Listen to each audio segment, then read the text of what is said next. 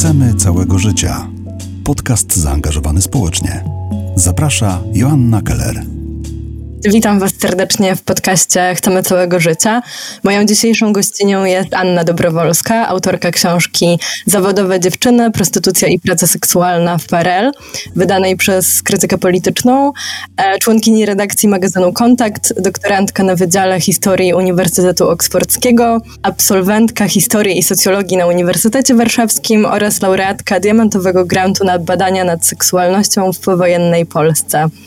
E, cześć, bardzo Cześć. Miło jest mi Cię gościć w podcaście. Dziękuję bardzo za zaproszenie. E, może na początek wyjdę od pytania, które mm, już nasuwa sam tytuł Twojej książki, zawierający dwa określenia, czyli praca seksualna, ale i prostytucja, e, które obecnie uważane jest za stygmatyzujące. I zastanawia mnie Twój e, stosunek do języka, którym się posługujesz e, i dlaczego użycie słowa prostytucja było dla Ciebie koniecznym e, zabiegiem w książce. Tak, fajnie, że zaczynamy od tego pytania, bo to jest jakaś kwestia, z którą ja się bardzo długo zmagałam i w trakcie swoich badań do tej książki, w trakcie jej pisania i potem w trakcie już po jej opublikowaniu. I przyznam, że jest to dla mnie cały czas jakiś temat otwarty, bo może warto powiedzieć, że, że to jest książka historyczna. I ja ją projektowałam jako pracę naukową. Ona jest efektem moich badań naukowych e, i jakimś tam też punktem w drodze tych badań naukowych, które dalej prowadzę. I w związku z tym mm, zależało mi na tym, żeby ona była zgodna ze wszystkimi zasadami e, sztuki historycznej, jeżeli można tak powiedzieć która, jak pewnie się wszyscy nasi słuchacze, słuchaczki, osoby słuchające domyślają, jest e, dosyć konserwatywną nauką. I w związku z tym, jak prezentowałam pierwszy raz e, zarys tego projektu, to było chyba nie, dwa lata temu, i w ogóle jakby podniosłam temat języka i tego, że nie będę używała określenia e, prostytutka jako określenia osoby pracującej seksualnie, tak? tylko że szukam jakichś innych pojęć, to dostałam bardzo negatywny feedback ze strony innych historyków i ze strony historyczek również, tak? To znaczy taki feedback nierozumiejący tego w ogóle, w czym jest problem. I feedback, który mówi, że przecież to są określenia, które są neutralne, przecież wszyscy wiedzą o co chodzi. Więc e, to jest jedna część jakby mojego e, doświadczenia z pracą nad e, koncepcją tych badań. No a z drugiej strony oczywiście starałam się bardzo dużo czytać, e, słuchać e, jakichś właśnie prac naukowych przede wszystkim, ale też właśnie jakichś takich bardziej popularnych e, źródeł dotyczących pracy seksualnej w ogóle, tak? Słuchać tego, co teraz się dzieje współcześnie w środowisku osób pracujących seksualnie, jakie są ich postulaty. No i z tych postulatów jasno wynika, że określenie praca seksualna jest tym określeniem, którego należy używać współcześnie. Natomiast z drugiej strony mamy tę perspektywę historyczną i źródła historyczne są takie, że one używają określenia prostytucja, używają określenia prostytutka, używają też określeń dużo gorszych, których już tutaj nie chcę powtarzać, bo też nie ma co e, ich utrwalać w języku. I, e, mhm. e, I miałam poczucie, że żeby zrozumieć i w pełni historycznie przeanalizować e, te procesy, na których mi, które są dla mnie interesujące, czyli pewien proces e, odpodmiatawiania, patologizowania e, usług seksualnych, to to określenie prostytucja jest niezbędne. Tak? I dlatego ono się też pojawia w tytule, bo ta książka nie jest o pracy seksualnej per se, tak? To znaczy ona nie jest o doświadczeniu osób pracujących seksualnie, tylko ona jest o całym tym zestawie dyskursów, które były tworzone w okresie PRL-u, ale też wcześniej, wokół właśnie tego określenia prostytucja i w jaki sposób ten język, który e, był konstruowany, służył do uzasadniania opresji, do uzasadniania kontroli, do tworzenia takiego patologicznego obrazu osób pracujących seksualnie. I miałam poczucie, że jakby to określenie jest tutaj ważne i ono się musi w tym tytule pojawić, ponieważ to jest książka historyczna, tak? I to jest książka o prostytucji, jako fenomenie dyskursywnym, a nie o doświadczeniu osób pracujących seksualnie. Ale rozumiem, że dla osób pracujących seksualnie to może być niewystarczające uzasadnienie i też pewnie nie, nie zawsze to, w jaki sposób ta książka jest napisana, jest e, przekonujące nawet dla mnie samej teraz. I tutaj muszę przyznać, że ostatnio robiłam korektę i, e, i sobie zdałam sprawę, że dużo z tych e, struktur językowych, których ja używałam, które mi się wtedy wydawały wrażliwe i jakieś takie bardziej odpowiadające na e, no właśnie na ten postulat włączania głosu osób pracujących seksualnie, że teraz już one dla mnie zgrzytają, że nie są dobre. E, więc mam takie poczucie, że to jest trochę work in progress mm, i że ten język do pisania o usługach seksualnych w historii to jest e, cały czas on nie został wynaleziony w Polsce, tak? No i chciałam też jakby zaznaczyć tutaj, że moja książka jest w ogóle pierwszą e, książką historyczną, która używa określenia praca seksualna. Jest książka Janny Ostrowskiej, która jest o przymusowej pracy seksualnej w okresie e, e, II wojny światowej. Natomiast no, to jest o przymusowej pracy seksualnej, tak? To jest troszeczkę inne zjawisko. Natomiast w, w, w tym temacie, jakim są usługi seksualne komercyjne, e, no to rzeczywiście to jest w ogóle wprowadzenie tego pojęcia do badań historycznych i dlatego dla mnie to też było duże wyzwanie, no bo jestem na samym początku swojej drogi naukowej, muszę się słuchać tych starszych historyków, muszę słuchać tego, co oni mówią, jakie oni rzeczy sugerują i trochę starałam się to balansować. Mam poczucie, że w niektórych miejscach to wyszło lepiej, w niektórych wyszło gorzej. E, I jestem otwarta też na jakieś takie prace z tym. Mam, ale mam wrażenie, że samo przełamanie tego tabu językowego i wprowadzenie tego pojęcia do badań historycznych i próba poszukiwania właśnie w jaki sposób możemy z nim pracować, w jaki sposób ono też nam otwiera jakieś nowe sposoby rozumienia zjawisk historycznych, e, to było dla mnie bardzo ważne. I mam wrażenie, że też e, jak tak rozmawiam z różnymi czytelnikami, czytelniczkami tej książki, to że to rzeczywiście rezonuje trochę, tak, że dla wielu osób to było otwarcie innej refleksji, i e, no tak, no i mam nadzieję, że to jest po prostu pierwszy krok. We wstępie też zaznaczasz, że będziesz kierować się w książce paradygmatem polimorficznym. I czy mogłabyś powiedzieć, czym on jest? W pisaniu o usługach seksualnych dominują takie dwa podstawowe pojęcia. One się chyba trochę w poprzednim odcinku podcastu były zaznaczone, tak? To znaczy jest ten taki klasyczny abolicjonistyczny, feministyczny paradygmat, w którym antyseksualny bardzo często e, tak się go nazywa, w którym e, o usługach seksualnych mówi się wyłącznie przez pryzmat opresji, jako przy, przykładzie patriarchalnej przemocy wobec kobiet. No i jest drugi paradygmat proseksualny, który mówi właśnie o pracy seksualnej jako pracy po pierwsze, a po drugie mówi o niej jako przestrzeni emancypacji i właśnie daje głos doświadczeniom osób pracujących seksualnie. Natomiast paradygmat polimorficzny to, to jest trochę takie wyjście z tych dwóch opozycji, które są jednak opozycjami aktywistycznymi. Tak? One wynikają z jednak takiego ruchu feministycznego, ruchu osób pracujących seksualnie w przypadku tego drugiego, jako jednak pewnego projektu aktywistycznego. Natomiast ten paradygmat polimorficzny stanowi taką próbę wyjścia z tej. E, no tak, z, z, tej opozycji e, w stronę nauki, tak, i w stronę uwzględniania różnych e, perspektyw, chociaż też chciałabym zaznaczyć, że jakby uważam, że praca seksualna jest pracą i to trzeba od samego początku powiedzieć, tak, i że osoby pracujące seksualnie mają prawo do e, wszystkich praw, takich jak po prostu osoby pracujące w każdym innym sektorze. Natomiast paradygmat polimorficzny stara się na przykład w perspektywie historycznej niuansować właśnie tę historię opresji, tak? I pokazywać, że to, co współcześnie możemy uważać jakby, że współcześnie są przestrzenie, w których osoby się mogą decydować na świadczenie usług seksualnych z własnej nieprzymuszonej woli, tak, czy albo z jakiejś woli ograniczonej określonymi warunkami ekonomicznymi, to to, że te warunki też się zmieniają historycznie, tak, i że ta przemoc też jest historycznie e, zmienna. Więc, e, że jest dużo więcej różnych czynników, które trzeba uwzględniać i niuansować. Każdy z rozdziałów e, w Twojej książce rozpoczyna się inną relacją kobiety świadczącej usługi seksualne i pojawia się relacja Krystyny, Bolesławy, Haliny, Dziuni, Anety i zastanawiam się, jak wyglądał proces docierania do tych relacji i czy on był dla Ciebie trudny.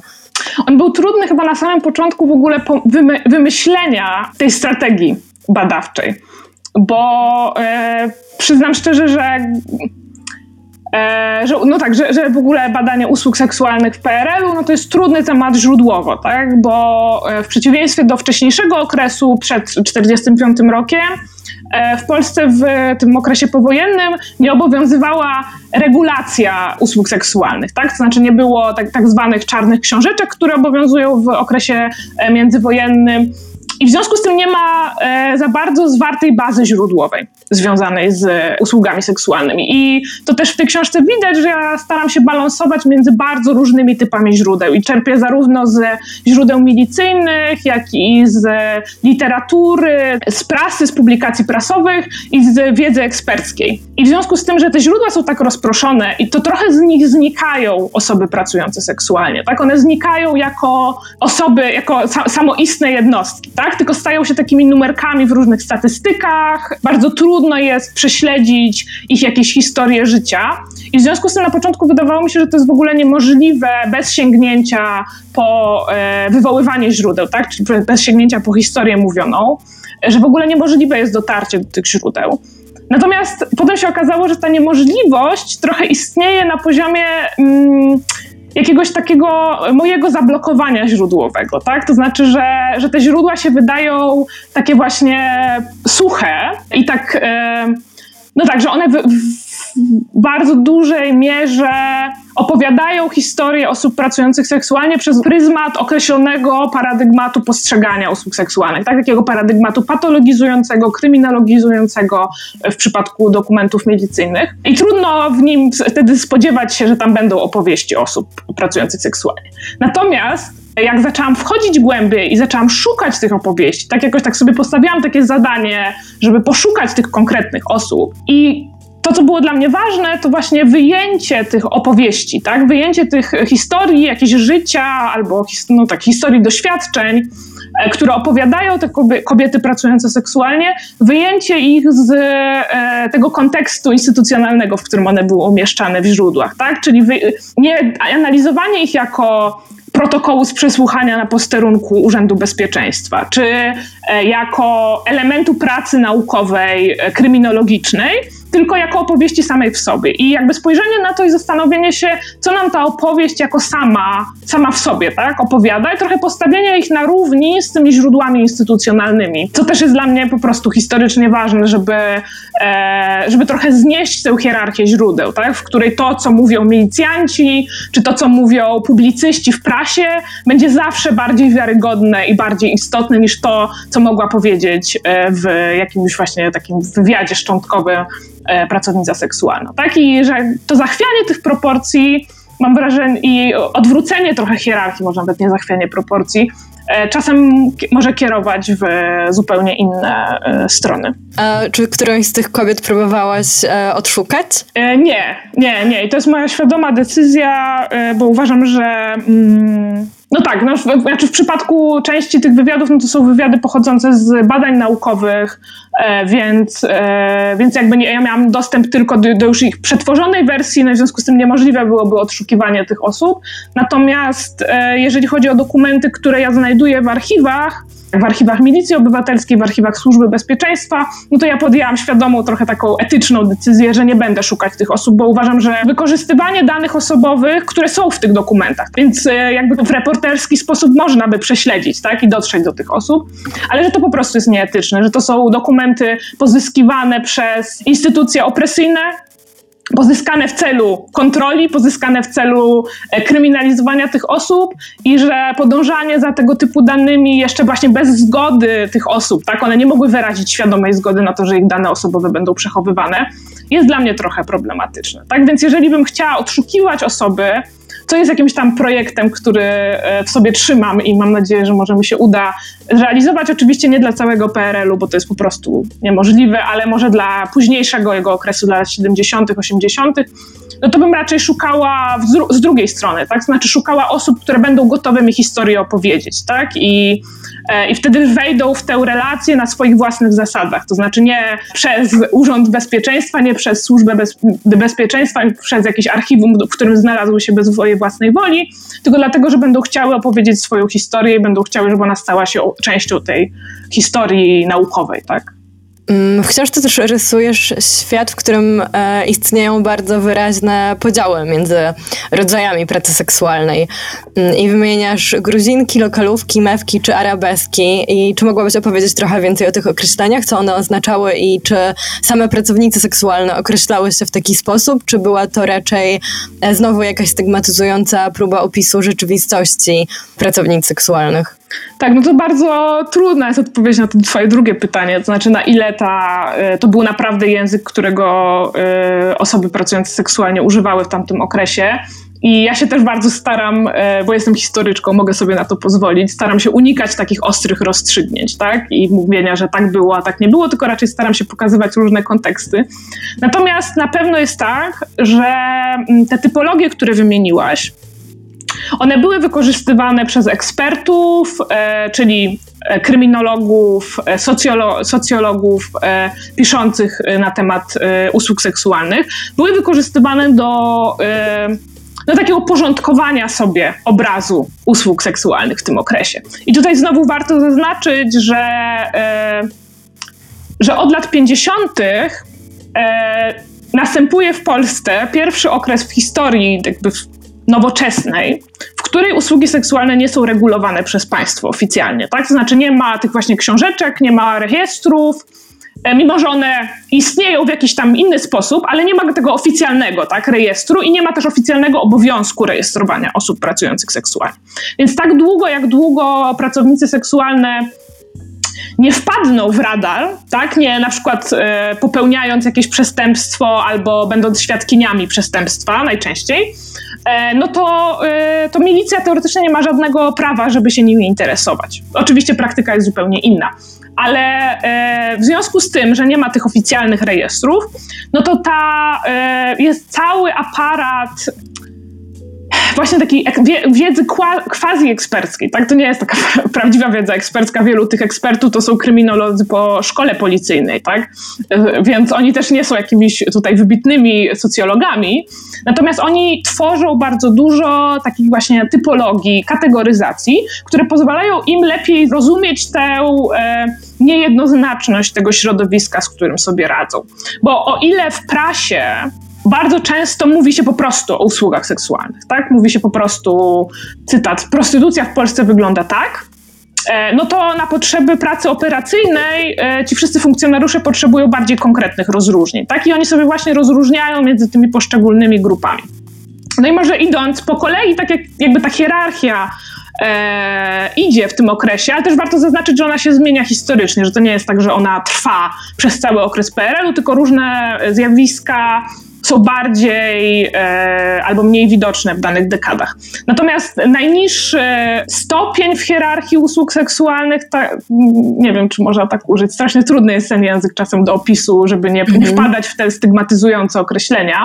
Natomiast ten najniższy stopień, który oni wyróżniają, to są tak zwane gruzinki. I to określenie, czyli kobiety świadczące usługi seksualne w miejscach publicznych, którymi najczęściej są jakieś gruzy, albo parki, e, bramy mieszkań i jakby pobierające w związku z tym też najniższe opłaty e, za te usługi seksualne. I to określenie pochodzi z okresu tuż powojennego, kiedy w, po prostu w polskich miastach było mnóstwo gruzów. I też ten, w związku z tym, co trochę opisuję w pierwszym rozdziale, to określenie gruzinka stało się takim synonimem tej powojennej degeneracji, tak? I takiego ogólnego rozpadu anomii życia społecznego. Tak? I te gruzinki stają się takim symbolem który, no tak, który troszeczkę zaczyna funkcjonować samodzielnie w oderwaniu od doświadczenia osób pracujących seksualnie, bo to określenie gruzinki, ono się pojawia jeszcze w latach 60., a znalazłam takie przykłady, że pod koniec lat 70. jeszcze w niektórych tekstach mówiono o gruzinkach, mimo że już tych gruzów na ulicach polskich miast nie było, tak? Albo mhm. przynajmniej no nie, nie, były takim fenomenem tak powszechnym, żeby to można było e, uprawomocnić tego typu określenie. I to pokazuje, że te, te, że te właśnie typologie, one się trochę odry odrywają, nawet nie trochę, bardzo szybko się odrywają od realnego doświadczenia i stają się po prostu takimi właśnie kategoriami dyskursywnymi, które pomagają opisywać jakieś społeczne emocje, e, poczucie niepokoju związanego z transformacjami różnego typu, ale nie są opisami doświadczenia e, osób pracujących seksualnie. Podobnym określeniem jest określenie lokalówki, które się pojawia też w latach 50. i jest jakby wtedy jest uważane za ten właśnie wyższy rodzaj usług seksualnych. E, czyli kobiety, które poznają swoich klientów w lokalach, w restauracjach, kawiarniach i potem e, świadczą usługi seksualne w prywatnych mieszkaniach. Te mieszkania często zwane są w dyskursie milicyjnym melinami. Jakby wszyscy wiemy, jakie są patologiczne konotacje związane z określeniem melina, e, ale w, okre w tym okresie to też znaczy miejsce, w którym się nielegalnie sprzedaje alkohol. Więc już widzimy te wszystkie właśnie społeczne patologie, które są łączone z usługami seksualnymi. Także jest złączona nielegalna sprzedaż alkoholu, nielegalny handel walutami, e, kradzieże i wszystkie tego typu rzeczy. Tak? I to jest właśnie na mapie e, milicyjnej pojęć, którą sobie milicjanci tworzą wokół e, określenia prostytucja. I tak, mówiłam o prostytucji, e, tak zwanej prostytucji lokalowej. Ona jest na średnim poziomie, bo w latach 70. pojawia się nowe zjawisko. I znowu używam określenia źródłowego prostytucji dolarowej albo prostytucji dewizowej. I to, co jest niesamowicie ciekawe, to to, że po raz kolejny te określenia związane z usługami seksualnymi stają się tak naprawdę metodą do opisywania jakichś przemian zachodzących w społeczeństwie polskim i takiej głębokiej transformacji, której doświadcza społeczeństwo polskie w tym okresie. E, bo w latach 70., e, w związku z dojściem Edwarda Gierka e, do władzy i taki, taką ogólnie potrzebą zmian, którą on ogłasza, reformy, Polska otwiera się na świat. Otwiera się na świat na różne sposoby. Oczywiście relatywnie, tak jakby to nie jest otwarcie w naszym współczesnym rozumieniu, no ale wtedy to rzeczywiście było rewolucyjne. Pojawiają się w polskich sklepach różne towary konsumpcyjne, które wcześniej były niedostępne. Najlepszym przykładem Coca-Cola, która się w 1972 roku chyba pojawia w polskich sklepach. Przyjeżdżają do Polski e, zagraniczni biznesmeni, którzy zaczynają robić interesy z różnymi polskimi spółkami państwowymi ale też są inwestycje w różnych miastach, nie tylko w dużych miastach, ale też w mniejszych, takich jak Włocławek na przykład, do których potrzebni są zachodni e, inżynierowie, którzy przyjeżdżają, przywożą know-how, pokazują jak rozkręcić ma park maszynowy, no i potem wyjeżdżają.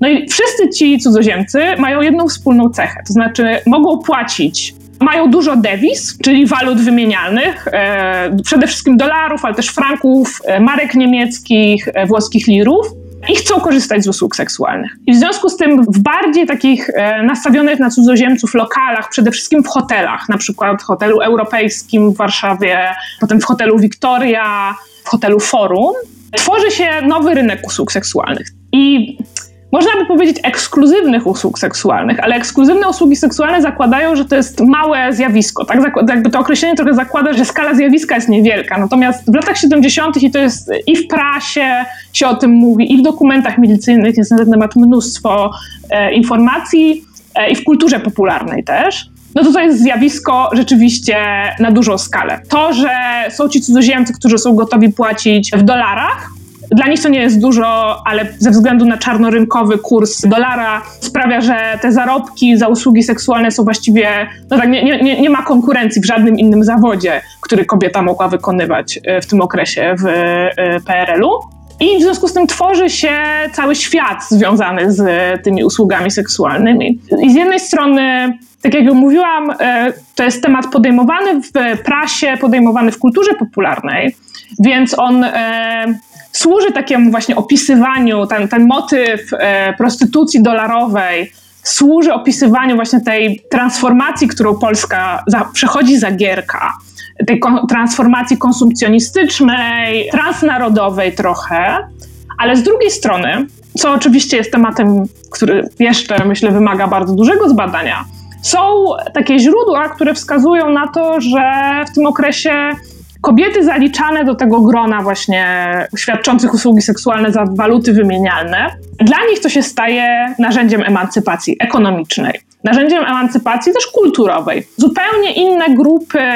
kobiet zaczynają rozważać pracę seksualną, i praca seksualna w związku z tym zaczyna znaczyć też trochę co innego, tak? Znaczy przestaje być traktowana jako ta społeczna patologia, tak jak w latach 50., 60., tylko zaczyna e, być dostrzegany jej potencjał emancypacyjny i potencjał właśnie tego udziału w konsumerystycznej rewolucji. I to jest bardzo fajnie widoczne w e, relacji Juni z filmu dokumentalnego Andrzeja Titkowa Wolny Zawód, który pokazuje, że zmienia się w ogóle perspektywa, w której mówi się o pracy seksualnej. Tak? Nie mówi się już tylko o właśnie o tych patologicznych gruzinkach, które, znowu przepraszam, cytuję źródła, roznoszą choroby weneryczne, są alkoholiczkami, są chorymi psychicznie, e, bo wszystkie te określenia się pojawiają w, w, w latach 50., tylko zaczyna się mówić właśnie o z taką nutką zazdrości o kobietach, które mogą zrealizować te marzenia o przeciętnego Polaka, tak? o własnym domu, o małym Fiacie, o wakacjach za granicą. I oczywiście pytanie, na ile te marzenia rzeczywiście mogły być realizowane, i to jest pytanie nie do rozstrzygnięcia na podstawie źródeł, które analizuję, natomiast na pewno pojawia się taki motyw, tak? I znowu ten najwyższy szczebel w hierarchii, ta właśnie ta tak zwana prostytucja dolarowa, też służy nie tylko opowiadaniu o usługach seksualnych, ale przede wszystkim o jakichś takich aspiracjach, marzeniach, e, często nieosiągalnych. No relacja Jenny też jest w ogóle e, fajną odpowiedzią na zarzuty feminizmu antyseksualnego, który e, właśnie opierał się na przekonaniu, że praca seksualna nierozerwalnie się wiąże z tym uprzedmiotowieniem i zawsze zakłada, że decyzja o podjęciu takiej pracy nigdy nie może być tak naprawdę dobrowolna. Tymczasem Dziunia na pytanie Titkowa, czy uważasz, że dobrze zrobiłaś, że zostałaś prostytutką, odpowiada, że tak, oczywiście. I że szkoda jedynie, że tak późno, tak. bo gdybym zaczęła wcześniej, to do tej pory mogłaby mieć już tyle pieniędzy, że miałaby willę i ogródek, co też stoi w jakiejś kontrze do, do tego stereotypowego wyobrażenia e, kobiety pracującej seksualnie, która nie ma żadnych marzeń i wszystkie pieniądze wydaje na alkohol czy jakąś formę degeneracji. I zastanawiam się, czy film Titkowa o Nie jest, to jest właśnie jakiś moment zwrotu w tym dyskursie dotyczącym pracy seksualnej, czy wcześniej przed e, rokiem 81, w którym Titkow zrobibył wolny zawód, można było trafić na podobne relacje? A jeśli nie, to jaki obraz w mediach e, można było spotkać wcześniej, w latach 50., 60.? To jest bardzo ciekawe pytanie. Myślę, że ten film Titkowa jest e, manifestacją pewnego dyskursu, który się rodzi troszeczkę wcześniej. E, I bym powiedziała, że jego narodziny to jest właśnie początek lat 70., tak jak mówiłam, pojawienie się tego w ogóle zjawiska dolarowych usług seksualnych. Jakby w tym kontekście bardzo ważną datą jest rok 73, czyli proces portierów e, z hotelu europejskiego w Warszawie. Tak jak mówiłam, to był hotel, w którym e, przebywali głównie cudzoziemcy. To był dosyć taki, no tak, luksusowy hotel, hotel klasy S. I portierzy z hotelu europejskiego zostali oskarżeni przez prokuraturę o czerpanie korzyści z cudzego nierządu. Tak? To też to określenie nierząd bardzo charakterystyczne dla dyskursu e, tamtego okresu. I e, oni zostali oskarżeni ale to, co jest ciekawe, zostali oskarżeni na podstawie donosu złożonego przez same e, osoby pracujące seksualnie. I wtedy jest, ten proces był dosyć głośny w prasie, bo, bo też no tak, no bo dla pracy to było atrakcyjne jako taka ciekawostka, tak? Jako taki przykład zupełnego odwrócenia porządków, w których e, to kobiety pracujące seksualnie są skarżącymi, a nie oskarżonymi. Ale e, to, co wtedy wyszło w ramach tych dyskusji i z czym trochę musiała się skonfrontować opinia publiczna, e, to właśnie to, że te kobiety zarabiają tyle, że dyrektor w przedsiębiorstwie państwowym nie jest w stanie tyle zarobić miesięcznie, tak? I że w związku z tym, że tyle zarabiają, są w stanie też inaczej spojrzeć na swoją pracę. Podejmują próby mobilizacji w ramach własnego środowiska, takiego okazania wewnętrznej solidarności, ale też jakby są w stanie stawiać granice i mówią, że My nie mamy problemu z tym, że płacimy za wejście do hotelu, tak, tym portierom. Uważamy, że to jest naturalne, jest jakaś wymiana, tak, to są usługi. Tylko, że pro, naszym problemem jest to, że oni od nas żądają za dużo. Czyli pojawia się właśnie taki bardzo ciekawy język już ekonomicznej wymiany, tak? Wymiany usług, ale też takiej samoświadomości e, własnych praw, albo raczej ograniczeń, które tworzy system prawny. Tak, no bo tak jak w, e, współcześnie, w tamtym okresie obowiązuje ten paradygmat abolicjonistyczny. Kobiety, które skarżą portierów e, w, z hotelu europejskiego w 1973 roku, one mają świadomość, że im nic nie grozi. Ich nie można pociągnąć do odpowiedzialności karnej. Natomiast tych portierów tak. I wykorzystują to, przynajmniej tak, taka jest moja interpretacja tej historii, tak? że one wykorzystują tę, e, tę nierówność trochę prawną, która e, zwykle służy kryminalizacji osób pracujących seksualnie tak? I, i, i też jest dużym problemem współcześnie.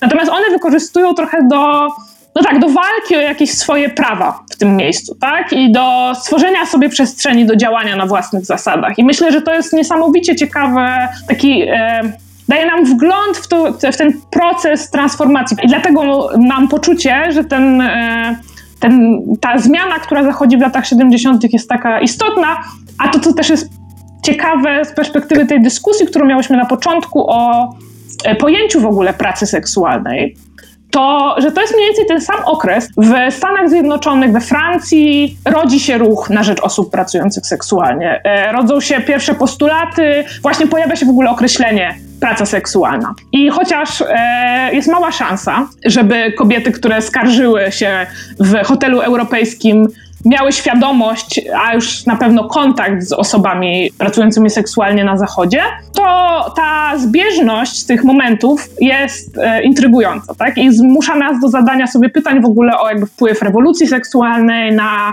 przemiany na rynku usług seksualnych i emancypacji osób pracujących seksualnie. Myślę, że to jest wiele takich tematów, których ja dotykam teraz, ale myślę, że jeszcze można w nie bardzo ciekawy sposób wejść głębiej. A czy uważasz, że e, ten akt walki o swoje prawa w 1973 roku można określić jako pewien rodzaj siostrzeństwa e, rodzącego się między pracownicami seksualnymi? Tak, myślę, że na pewno. I myślę, że w ogóle to też jest temat troszeczkę trudny do eksplorowania, bo te medycyjne źródła go nie zauważają. Ale ale e, w wielu miejscach i też z tych wcześniejszych e, źródeł, też z lat 60., są takie przebłyski, w których widać, że ta solidarność wewnątrz środowiska istnieje i że to nie jest tak, że kobiety pracujące seksualnie są wyłącznie tak jakby chcieli to widzieć ci milicjanci, ofiarami wykorzystywanymi przez sutenerów, tylko, że one po pierwsze się często samodzielnie decydują na świadczenie usług seksualnych, ale po drugie, że też się bardzo wspierają, tak? I że to, to widać w, u Juni, w tym filmie Titkowa na przykład, tam jest cały motyw o tym, że ona ma koleżanki z baru i że one ze sobą rozmawiają, wymieniają się opiniami o klientach, wzajemnie się wspierają, ale to też widać w tych badaniach Jasińskiej, chociaż ona to jakoś, no tak, nie zauważa tego jako bardzo ważnego aspektu, natomiast tam w relacjach, które ona przedrukowuje, też się pojawia właśnie motyw, że ja i moje koleżanki, tak, i że na przykład koleżanki, dziewczyny świadczące usługi seksualne w tym samym lokalu i to je łączy, tak? Ten, to miejsce pracy i w związku z tym też bronią tego miejsca pracy przed potencjalnymi konkurentkami i przed innymi kobietami, tak? Na przykład tak zwanymi, znowu strasznie seksistowskie określenie, przepraszam, z lat 80. określenie, cichodajka, czyli dziewczyna, która nie pracuje seksualnie w sposób otwarty, tylko po prostu pracuje w innych, e, w jakimś innym miejscu albo się uczy, ale oprócz tego przychodzi sobie wieczorem do baru i podrywa cudzoziemców i właśnie e, pobiera e, pieniądze albo prezenty jakieś za usługi seksualne i w oczach zarówno milicjantów, to ciekawe, jak i innych kobiet pracujących seksualnie jest traktowana jako zagrożenie, tak? I, i w związku z tym są takie relacje na przykład przemocy, tak? Wobec tych dziewczyn wchodzących do klubów, tak? Że na przykład one zostały pobite przez stałe bywalczynie, tak? Więc z strony oczywiście jest to siostrzeństwo i myślę, że ono jest ważne i że warto je zauważać, ale ono też e, jest bardzo zlokalizowane. Tak, znaczy, że ono dotyczy bardzo często określonego miejsca pracy, lokalu, właśnie hotelu, restauracji, ale ma, mam wrażenie, że na taki moment e, stworzenia, no, no tak, no, że, że, to jeszcze nie jest moment, w którym powstaje taka świadomość, że my wszystkie pracownice seksualne mamy jakieś wspólne interesy. Myślę, że, że to jest no, dopiero ostatnie e, kilka, kilkanaście lat. Mhm. Ty też fajnie piszesz o tym akcie subwersji, którego one dokonują, e, wyśmiewając na przykład klientów albo sobie żartując z nich wspólnie i trochę przez to też zacierają e, tą relację władzy. Tak, i to jest w ogóle też bardzo ciekawe, e, bo znowu te pieniądze tak wchodzą w grę i to e, ta praca z cudzoziemcami. I to, że w momencie, w którym one zaczynają zarabiać tak dużo, że są w stanie sobie pozwolić na to, żeby odłożyć na mieszkanie, żeby odłożyć na książeczkę PKO, czyli takie, no tak, oszczędności mieć i planować jakieś też życie E, po pracy seksualnej, bo dla wielu, bardzo wielu tych kobiet to jest przystanek w drodze, tak? One jakby to traktują jako praca na kilka lat, a potem z tymi pieniędzmi zrobię coś innego.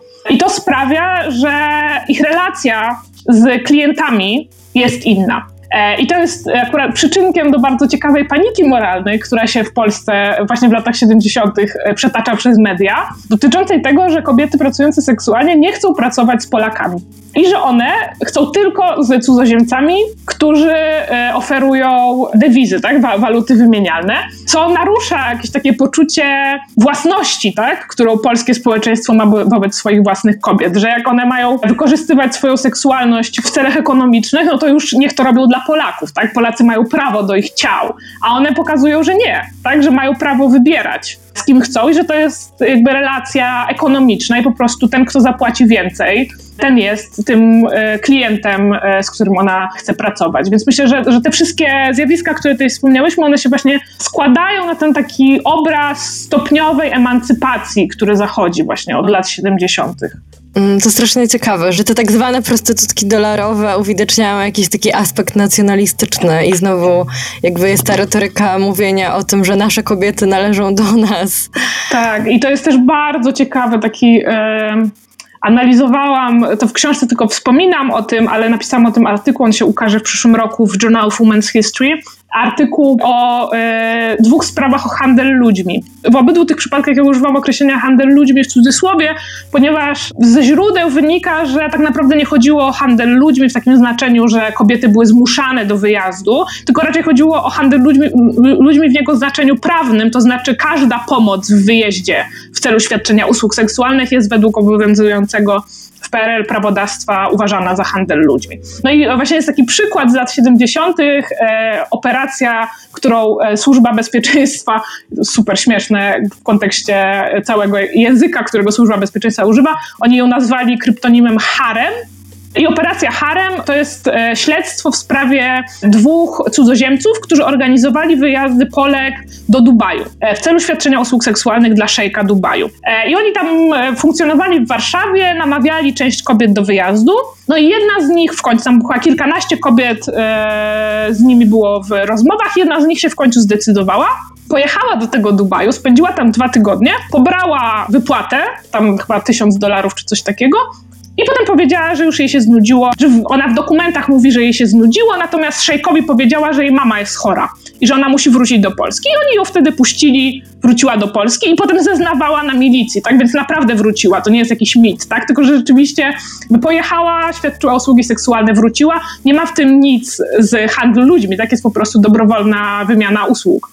E, mhm. Natomiast e, w, e, oczywiście w dokumentach milicyjnych to jest jakby traktowane z paragrafu o handel ludźmi, no a przede wszystkim jakby to, co jest szczególnie w tym oburzające i pojawia się nawet w akcie oskarżenia, który prokuratura przygotowuje, to jest to, że są dwaj cudzoziemcy, w tym jeden jeszcze jest Arabem, więc dodatkowo w to wchodzi jakby to cała kwestia rasowa. Dwaj cudzoziemcy wywożą Polki celu świadczenia usług seksualnych.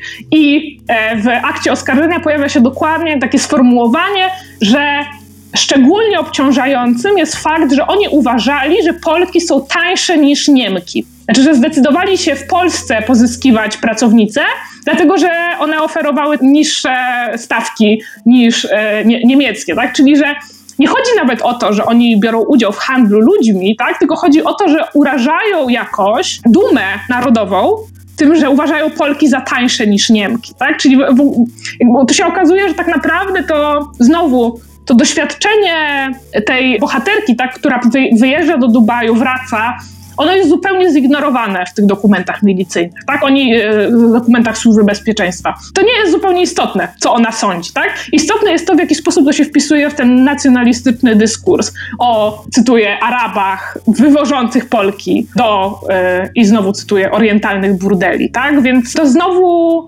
jest bardzo na poziomie jakichś wyobrażeń narodowych, a bardzo mało na poziomie realnych doświadczeń osób pracujących seksualnie. Masz poczucie, że twoja książka e, otworzyła coś nowego w dyskusji w związku z pracą seksualną? Wiesz, jak została odebrana przez e, pracownice seksualne? Słyszałam, że niezbyt dobrze, mhm. ale jestem w pełni, znaczy w sensie myślę, że mają prawo do takiego odbioru i też ta książka była od początku pomyślana jako praca naukowa, w związku z tym moją pierwszą publicznością jest środowisko naukowe i jakby to, to moim celem było przede wszystkim zmiana sposobu mówienia o usługach seksualnych w PRL e, w dyskursie naukowym i jakieś otworzenie może nowych pytań w ogóle w historii seksualności w Polsce. I mam wrażenie, że pod tym względem to się rzeczywiście udało i mam dosyć pozytywny feedback, natomiast mam świadomość, że to nie jest książka aktywistyczna, tak? I że ona pewnie nie spełnia wielu potrzeb, które środowisko osób pracujących seksualnie by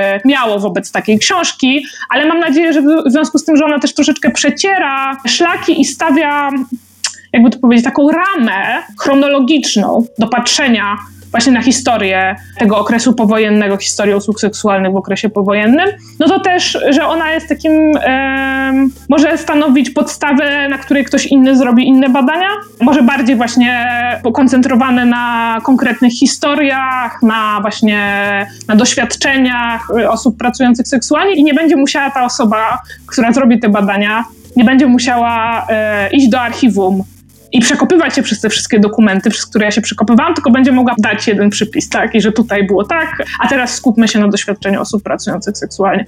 Bo myślę, że e, no tak, że to jest potrzebna jest praca kumulatywna i, i historia seksualności w Polsce, a już szczególnie historia takich e, no właśnie tematów marginalizowanych, e, jak usługi seksualne, jak historia queerowa, no to to jest cały czas biała plama w mapie historii Polski. I to będzie żmudna praca, wymagająca zaangażowania bardzo wielu osób, więc mam wrażenie, że to jest jakiś tam pierwszy krok, ale jeszcze jest mnóstwo do zrobienia.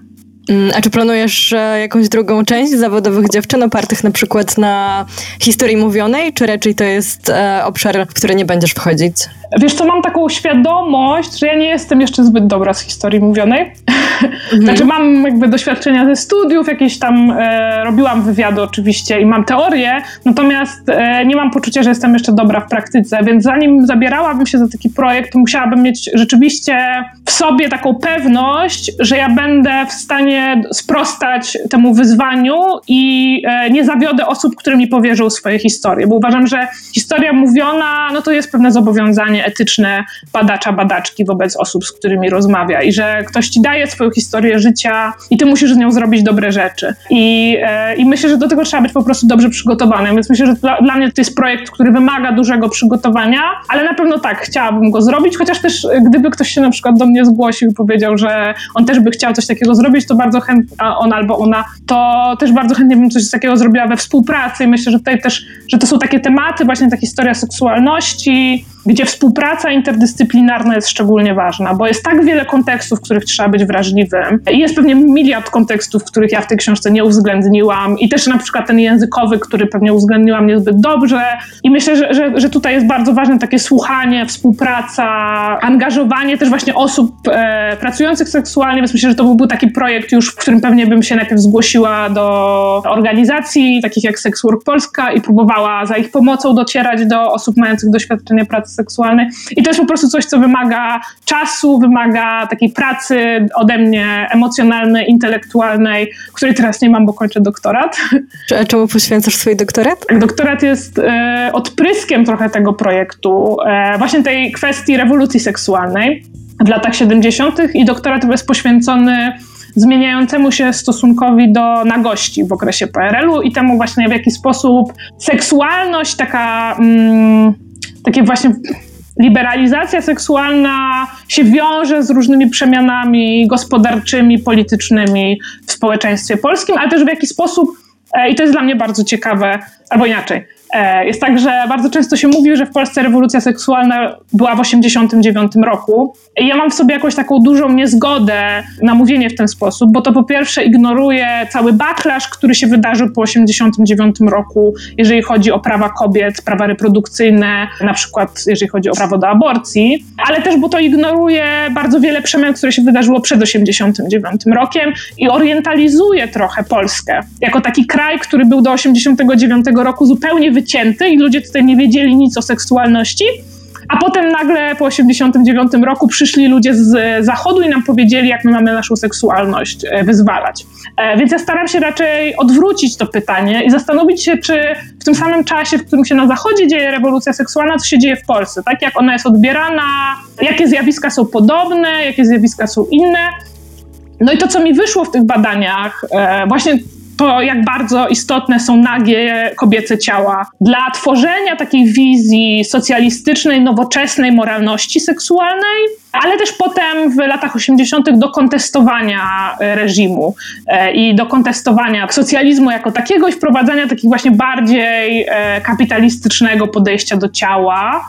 No, że też dla mnie bardzo ważne jest to, żeby w tym, we wszystkich swoich projektach żeby trochę problematyzować heteroseksualność jako taką, tak? Znaczy, że w momencie, w którym powiemy, że heteroseksualność też jest zjawiskiem historycznym, tak? I ona też się zmienia i to w jaki sposób ludzie performują swoje tożsamości heteroseksualne, podlega historycznym zmianom, no to też zaczynamy dostrzegać bardzo dużo różnych rzeczy. Na przykład zaczynamy dostrzegać sposób, w jaki w Polsce z jednej strony właśnie w latach 80. szczególnie pojawia się nagość w przestrzeni publicznej w bardzo wielu miejscach. I czasem, jakbyśmy obejrzeli programy telewizyjne czy filmy z tego okresu, to to jest nawet bardziej odważne niż współcześnie. Ale z drugiej strony to jest cały czas zakorzenione w takim głęboko heteronormatywnym, patriarchalnym podejściu do seksualności, w której to jest mężczyzna, który ma prawo do przyjemności, ma prawo do patrzenia na kobiece ciała,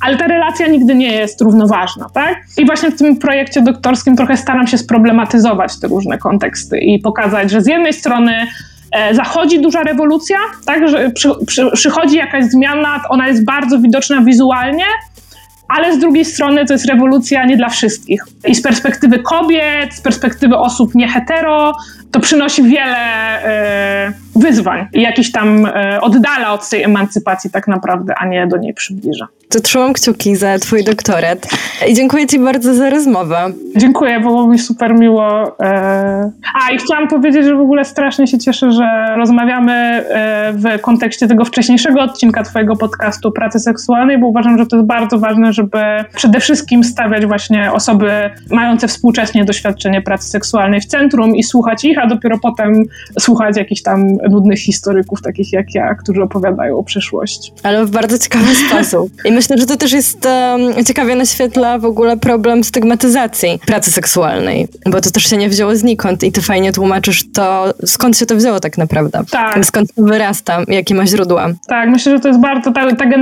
genealogia jest też dużo dłuższa niż to, co ja opisuję w swojej pracy, tak? I że warto też pamiętać, że te systemy jakiejś opresji, kontroli, one się rodzą w XIX wieku i są silnie związane z narodzinami nowoczesnego państwa jako takiego. W związku z tym ta kontrola nad kobiecą seksualnością jest głęboko uwikłana w mnóstwo innych problemów społecznych, politycznych i, e, i że nie da się rozwikłać jednego problemu, tak? Tylko, że to jest właśnie mega intersekcjonalne i trzeba patrzeć na cały obraz, a nie tylko na jeden wycinek. Moją gościnią była Anna Dobrowolska i zachęcam e, do kupienia książki. Książkę można kupić na stronie Krytyki Politycznej. Zawodowe dziewczyny, prostytucja i praca seksualna w PRL. Gorąco zachęcamy do przeczytania książki. Dziękuję Ci bardzo za rozmowę. Dzięki wielkie. bardzo to była ciekawa dla mnie rozmowa. Chcemy całego życia. Podcast zaangażowany społecznie.